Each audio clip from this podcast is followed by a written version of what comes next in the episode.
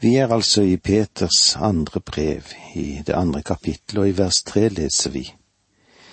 De er ute etter penger og fare med dikt og bedrag for å slå mynt på dere. Men alt lenge har de hatt dommen hengende over seg, og fortapelsen venter på dem. Jeg ber dere alle sammen om å være nøye med hvem det er som er lærerne deres hvem som er bibellærere, og hvilke radiopredikanter dere lytter til.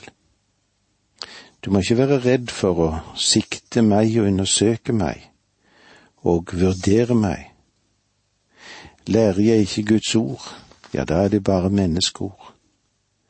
Gransk Guds ord og se om jeg gjør det jeg skal gjøre eller ikke. Gransk òg deg selv Ethvert Guds barn burde ransake seg selv av og til for å se om de er i troen. De er ute etter penger og fare med dikt og bedrag for å slå mynt på dere. Med andre ord drev disse falske lærere sin geskjeft for pengenes skyld. Det er viktig at vi som kristne enheter er bevisst i hva som er vår egentlige motivasjon for å drive virksomheten vår. Vil vi det Gud vil? Gjør vi Hans gjerning mens det ennå er tid? Lar vi oss drive av økonomiske motiver, eller er våre motiver gangbare for Gud? Et av de kjennetegnene på falske lærere er at de er markedsførere for sin egen butikk. Forkynnelse og undervisning av Guds ord er sidemotiver for det som er hovedmålet, å berike seg selv. Men alt lenge har de hatt dommen hengende over seg, og fortapelsen venter på dem. Dette er noe som har uroet mange mennesker, inkludert en del av Bibelens personligheter. For eksempel var salmisten bekymret for at det gikk godt med de som gjorde ondt, og at de kom unna dommen. Eller i alle fall trodde han det. Så sa han, jeg gikk inn i Guds helligdom. Hva lærte han i tempelet? Det han lærte var at Gud har hånd om tingene, og han vil også vite å ta hånd om de onde. Her skulle vi tatt oss tid til å lese Salme 73. Jeg vil anbefale deg å lese den. Jeg blir alltid hos deg, står der. Jeg vil alltid være hos deg. Og i det 23. og 24. verset leser vi slik. Men jeg blir alltid hos deg, du har grepet min høyre hånd. Du leder meg med ditt råd, og siden tar du meg opp i herlighet. Hvem har jeg ellers i himmelen? Når jeg bare har deg, ønsker jeg ikke noe på jorden. Om kropp og sjel forgår, er Gud for evig min klippe og min del. Se, de som holder seg borte fra deg går til grunne, de gjør ende på alle som er utro mot deg. Men for meg er det godt å være nær Gud. Jeg tar min tilflukt til Herren. Jeg vil vitne om alle dine gjerninger, som det står i slutten av Salme 73. Men det ville være godt om du tok deg tid til å lese hele salmen og grunne litt på den. Men alt lenge har de hatt dommen hengende over seg, og fortapelsen venter på dem. Allerede i lang tid har dommen over dem vært underveis, og eh, skal forvisst, ja hva, jo, det vil ramme dem. Det er nemlig for lenge siden besluttet dette hos dommeren, hos Gud. Vel kunne det se ut som dommen var passiv og uvirksom, men eh, det virket som om det ikke var satt helt i verk, men det er ikke tilfellet. Den har hele tiden vært i bevegelse og nærmet seg til dem som dette gjelder. Og derfor vil den også sikkert nå dem når det rette tidspunktet er inne, sier Rotland. Gud har ikke glemt dommen, som går ut på, ja hva, fortapelse. Den er personifisert, den faller ikke i søvn, men holder øynene åpne til enhver tid. Tre ganger bruker Peter det alvorlige ordet fortapelse. Apostelen Paulus ble mishandlet igjen og igjen, og han opponerte mot det. Han ville ikke la filipperne i hemmelighet løse ham ut av fengselet og tillate ham å forlate byen. Han var romersk borger, og han tvang dem til å følge prosedyrene. Men Paulus ba oss om ikke å ta hevn. Vi skal overlate vår sak til Gud. I det øyeblikket vi forsøker å hevne oss, så tar vi Guds plass for hevnen hører meg til. Jeg vil gjengjelde, sier Herren, som det står i Romerbrevet tolv. Og om du prøver å få hevn, så viker du av fra din vandring i troen. Men det at du vandrer i tro, betyr ikke at du skal la deg utnytte av alle som dytter et eller annet rundt deg og forlanger at du skal behage dem. Det betyr heller at du skal si, Ålreit, broder. Du har behandlet meg feil. Du har gjort dette mot meg, men jeg vil overlate min sak i Herrens hender. Paulus skrev i 2. Timotius brev 4,14. Kobbersmeden Alexander har gjort meg mye vondt.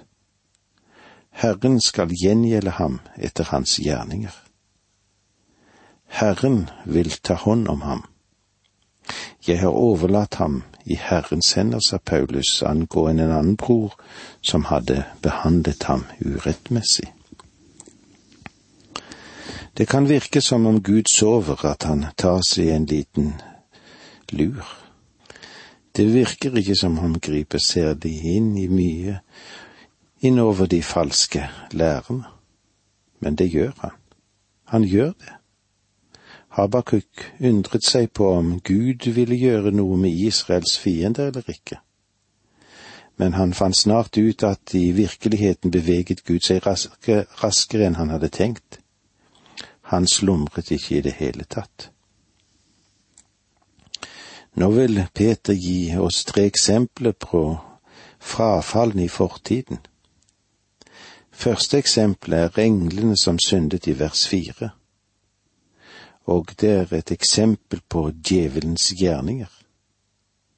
Hans andre eksempel dreier seg om verden på Noas tid i vers fem, og det er et eksempel angående verden, det.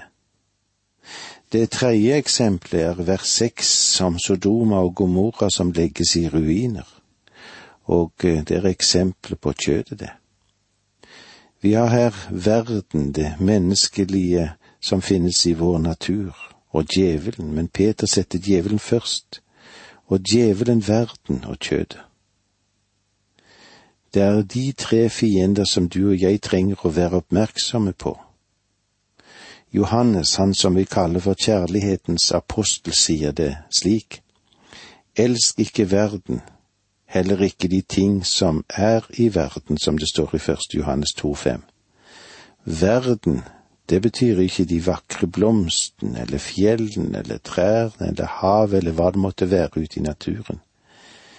Det betyr verdens system her nede som Gud er imot. Det er det vi ikke skal elske. Peter tar først opp spørsmål om djevelene og om det faktum at Gud i tidligere tider har dømt engler. Dette skal vi være oppmerksomme på og likeledes skal vi være oppmerksom på djevelens virke. Vi skal være klar over det, men vi skal ikke gi ham for stor oppmerksomhet. Det var så langt vi kom i dag, men når vi møtes igjen neste gang, så skal vi gå inn på disse sidene. Må Gud være med deg. Dette undervisningsprogrammet består av to deler. Åge Nevland fortsetter nå med andre del av dagens undervisning. Vi er i 2. Peters brev i det andre kapitlet, og eh, vi vil se på hvordan vi kan bli forført på forskjellige måter, vi som er kristne. Frafallet det kommer gjennom falske lærere, og det kan komme inn på andre måter som vi òg skal se på litt når vi går videre i dette programmet i dag. I Peters andre brev i det andre kapitlet vers fire leser vi slik. For Gud skånte ikke de engler som hadde syndet, men styrtet dem ned i avgrunnen, hvor de holdes i varetekt i mørke huler inntil dommen for Gud skånte ikke de engler som hadde syndet. Noen av de som tolker Bibelen, mener at dette henviser til hendelsen i første Mosebok i det sjette kapitlet. Jeg tror at jeg ikke er helt enig i det, fordi jeg tror ikke at Guds sønner, eller Gudes sønner, som det står i den nye oversettelsen, nevnt, og slik som det var der, var engler. I første Mosebok taler det om menneskets genealogi.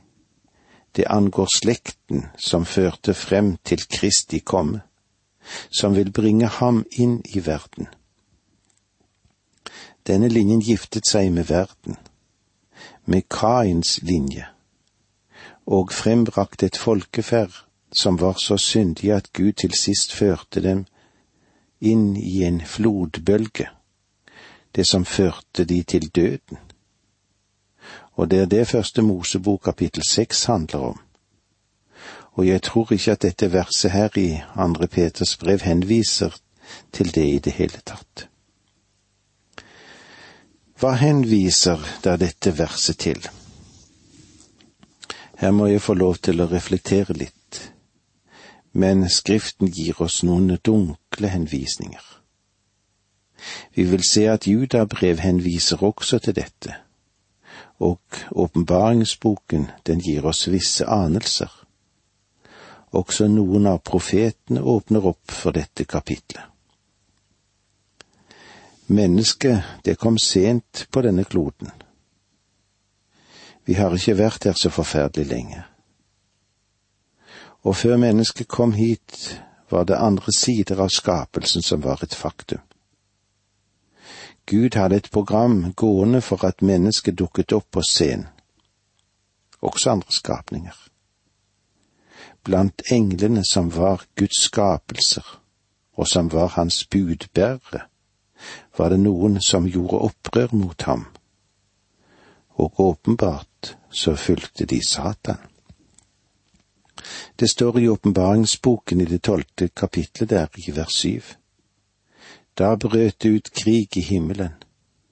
Mikael og hans engler gikk til krig mot draken. Draken kjempet sammen med sine engler.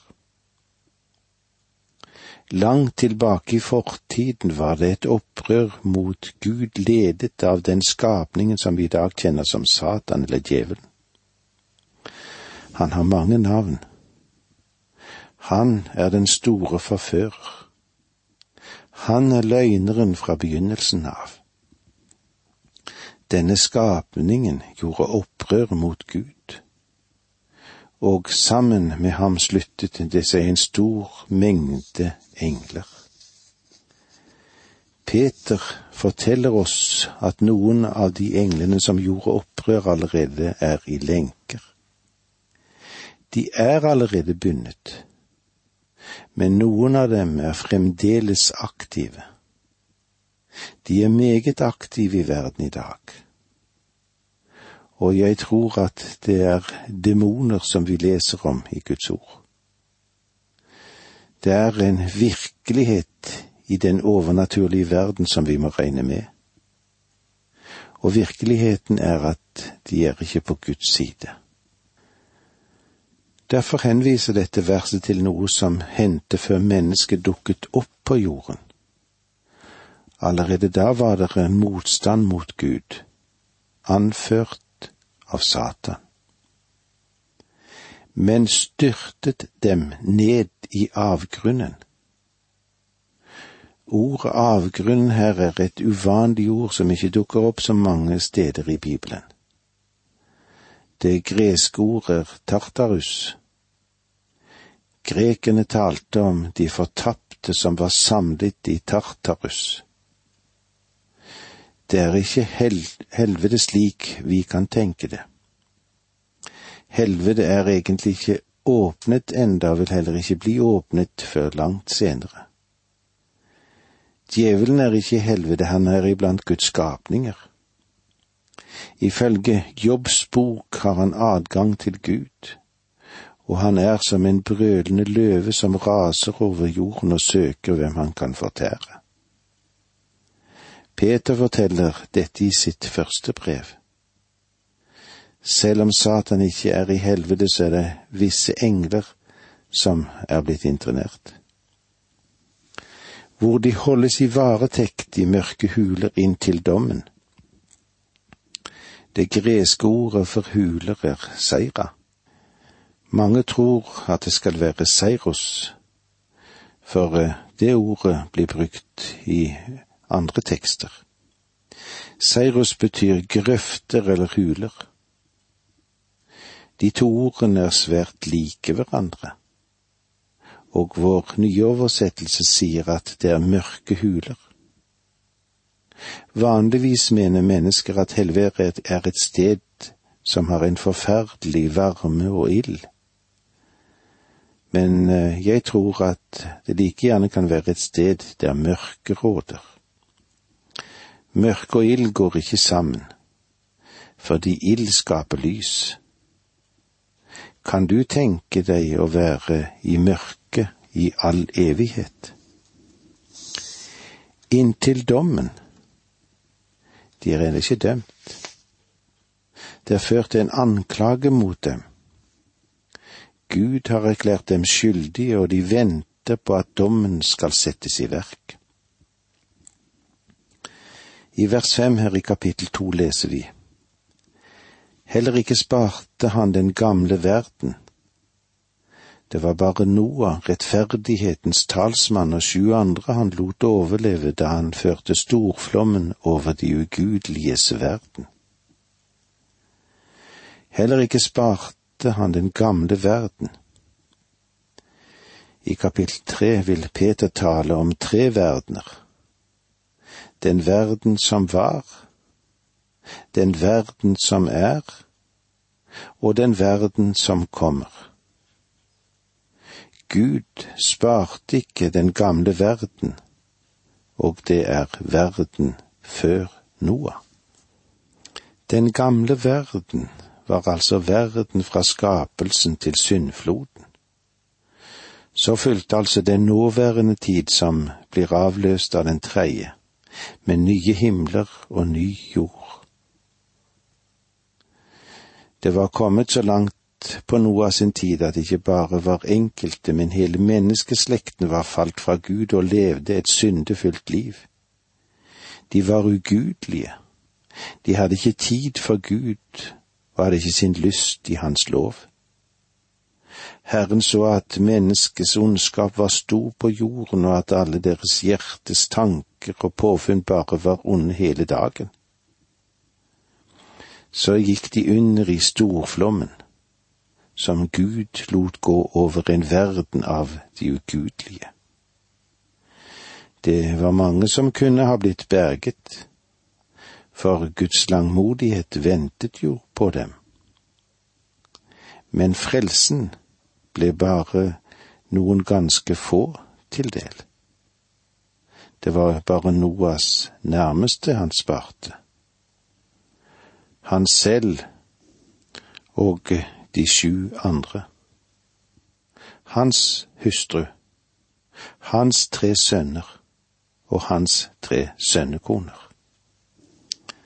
Det var bare Noah rettferdighetens talsmann og de sju andre han lot overleve. Det var syv andre sammen med Noah. Noah, altså, og sønnene hans, og konene deres. Han førte storflommen over de ugudelige. Folket var religiøse. De utelot simpelthen den levende og sanne Gud fra sin religion.